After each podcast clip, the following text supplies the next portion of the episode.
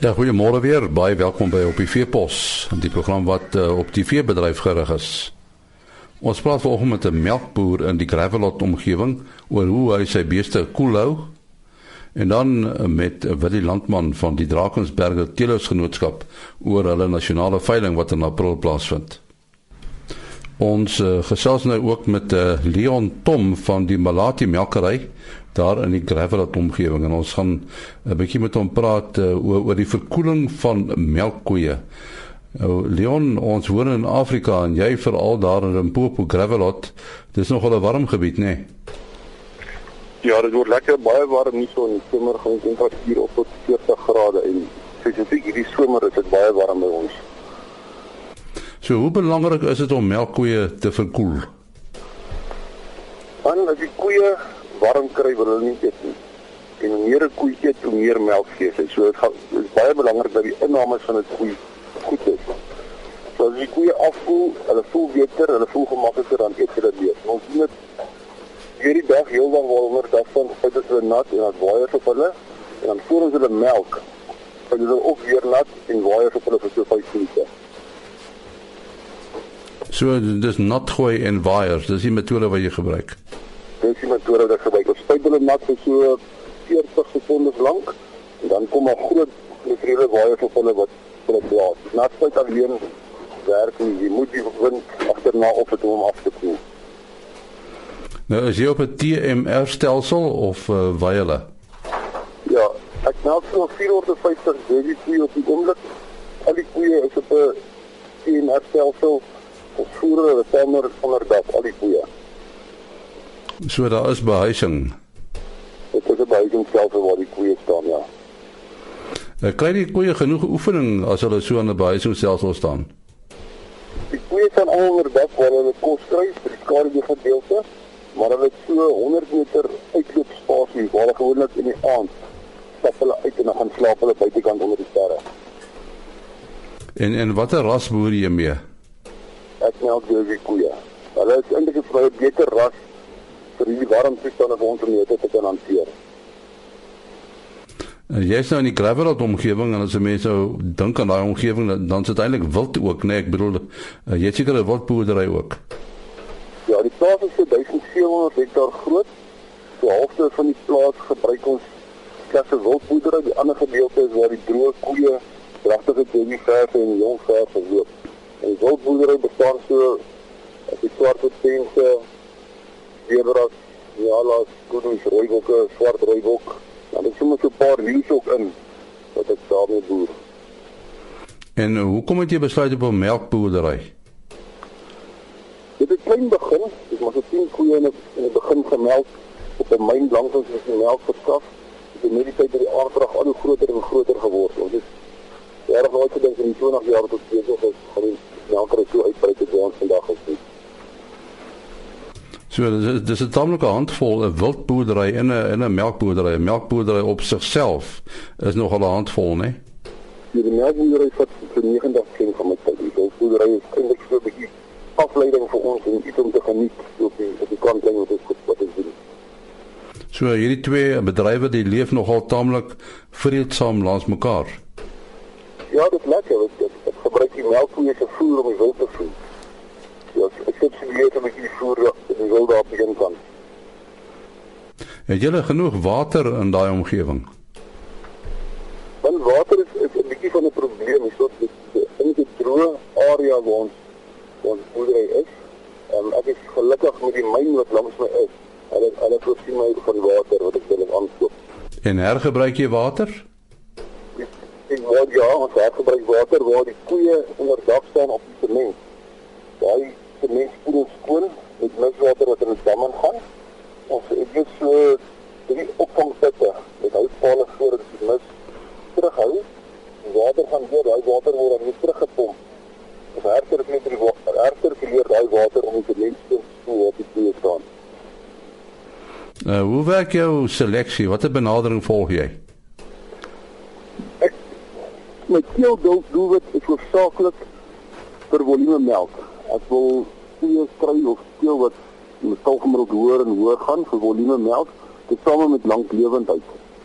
So ek selekteer maar die koeie wat wat wat nie hulle voerkoste kan betaal nie. Die koeie wat ek maar op 'n gereelde basis uitspot. En en, en wat is jou jou stal gemiddeld uh, Leon? Stal gemiddeld is nou so 23 liter per koei per dag of so by die 6800 kg koei per jaar wat hulle produseer vir my gemiddeld. Hoekom het jy op die Jersey ras besluit? Is dit maar omdat jy hulle gehaat het?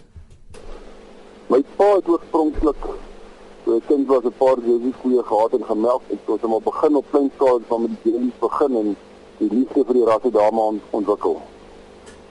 Want daar's natuurlik rasse wat wat uh, meer melk gee per koei, né? Nee? Daar is rasse wat meer melk gee per koei, maar as, as jy dink jy alles in ag neem met ons hitte omstandighede, volg gaan die Jersey beter vaar hierso.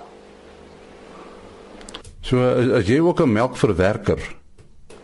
Ons verwerk al die melk self hier op die plaas. Ons het 'n melkfabriek en ons al ons afleweringsvoertuie wat die melk in so 150 km radius om ons versprei. Ja, ons doen alles self, ons verwerk self, ons maak bietjie jogurt, ons maak bietjie drinkjogurt en amasie. Dis die produkte wat ons maak en versprei. En so julle maak eintlik 'n bietjie van die waardeketting gebruik, nee, julle klim self daarin. Dit help, dit help baie. Melkbore wat net aan die groot melkverskaffers lewer, hulle trek maar 'n bietjie swaarder as ek trek die oomblik. En wat is jou planne vorentoe? Man, die, on, ons het so jaar terug het ons nog melk ingekoop en en en verwerk in die fabriek. Dit is so, so 6 maande terug gestop.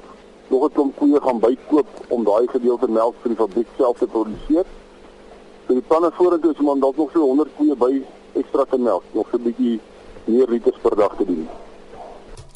Daar sê daar's die boer se uh, kuns wat ons hom afvra Leon Tom van die Malati melkery in die Gravelot omgewing. En nou praat ons uh, met Willie Landman. Hy is 'n raadslid van die Drakensberger Beestelers-genootskap en ons praat oor uh, die genootskap se nasionale veiling. Wanneer vind die veiling plaas, uh, Willie? Môre en ja, dankie. Die veiling vind plaas die 24 April in Parys by die Afrika. Ja, onnodig om te sê dis vir julle 'n groot gebeurtenis, nê? Nee? Ja, dit is die hoogtepunt van uh van ons veilingsjaar. Um en vanaf April begin ons ons rasse veilings plaasvind by verskillende boere se produksieveilings en klapveilings, maar ons skop die jaar af met die nasionale veiling. Um ja, dit is 'n groot hoogtepunt. En en hierdie nasionale veiling, uh, hoe lank word hy al gehou? En dit sal hierdie jaar die 4 April volgende jaar is op ons die veiling aanbied. En uh daar word by die veiling uit die aard van die saak 'n uh, klompie stoetdiere aangebied, maar maar ons gedagte die jaar is ook om klompie uitsoek kommersiële vroulike verse, dragtige verse aan te bied. En hoeveel diere gaan altesaam aangebied word? Maar behoort ten minste 25 bulle en 25 vroulike stoetdiere te wees en dan poog ons om so in die orde van 30 tot 40 um, van hierdie van hierdie uitsoek kommersiële vroulike diere ook op die veiling te hê. Nou is daar ander hoogtepunte wat die veiling betref? Ja, die 24ste wanneer die veiling plaasvind is dit die aard van sake afsluiting van hele klomp van die verrigtinge wat daardie week wat daardie week gebeur. Ehm um, die diere begin al so van Woensdag af aankom. Donderdagoggend het die genootskap hulle kwartaallikse raadsvergadering en dan die aand hou ons 'n diner vir kopers en verkopers en hulle gesinne en dan sommer vir enige iemand wat in die ras belangstel. So, kom ons praat 'n bietjie oor die ras, die Drakensberger. Hulle sê dit is 'n baie ou ras in ons land. Ja, en dit is 'n dit is een van die van die inheemse rasse wat al 360 jaar in die land voorkom kom met die aard van met al die goeie eienskappe wat wat jy kry daarmee van die gehardheid en aanpasbaarheid. Dink wat ons vandag sien in die mark is dat meeste rasse bemark weet baie van dieselfde goed, jy weet, lae geboortemassa, goeie moedereienskappe, gehardheid ensovoorts ensovoorts en en en ons wat ons egter sien vandag suksesvol te boer om 'n topboer te wees met jy top toerusting hê, top diere. Ons sien in praktyk dat dat daar waar Drakensbergers deel uitmaak van die boerdery, daar die boere baie keer uiters suksesvol is. Ja, tipiese kleure swart, né? Nee? Ja, dit is 'n dis opvallende swart dier. Ehm um, dit is so dat daar die mite bestaan dat hulle dat, dat mense dink die diere baie maklik warm kry, maar maar dit is iets wat ons wetenskaplik nagevors het En en om die waarheid te sê, die diere is eintlik baie goed aangepas by die hitte. Hulle het 'n baie dik swart vel, hoë hoë hoeveelheid bloedvate wat help met afkoeling. En dan die swart haar weer kaat natuurlik die son. So jy sal baie keer sien groot troppe swart beeste wy in die middel van die dag in die oop veld. Jy weet hulle let bietjie op. Hulle is nie noodwendig waar hulle skuilings soek nie. So dit dit is die diere is baie goed aangepas by die Afrika omstandighede. Ek neem aan dat die die ras landwyd voorkom, maar waar die naam vandaan? Waar kom die naam vandaan Drakensberger? Ja, soos vir die jare nou maar verloop het, die dit was al verskillende name gewees, onder andere die laaste naam voordat nou Drakensberger geword het, wat in die vaderland. En op daai stadium met die meeste van die diere daar aan die voet van die Drakensbergers, Drakensberger voor te kom en dit is tyd om om dit in aan te gee. Maar soos ek dit regtig sê, is dit uh sy ons sien um, ons sien 'n groot groei in beesgetalle in die Karoo wat ons begin kry vir ander alternatiewe. En dan selfs in die buiteland, ehm um, Namibië, Botswana en die deelers ook in in Australië selfs. Ja, dit is 'n vleisbees, né? Nee? Ja, dit is ek het vleisbees, ehm um, alhoewel daar deur oorvertelling is van die vroeë boere het die beeste wel gemaak en as dubbeldoel gebruik, maar vandag word hulle hoofsaaklik gebruik vir die produksie van speenkalf.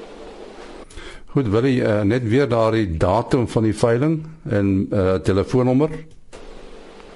Ja, die veiling is die 24ste April.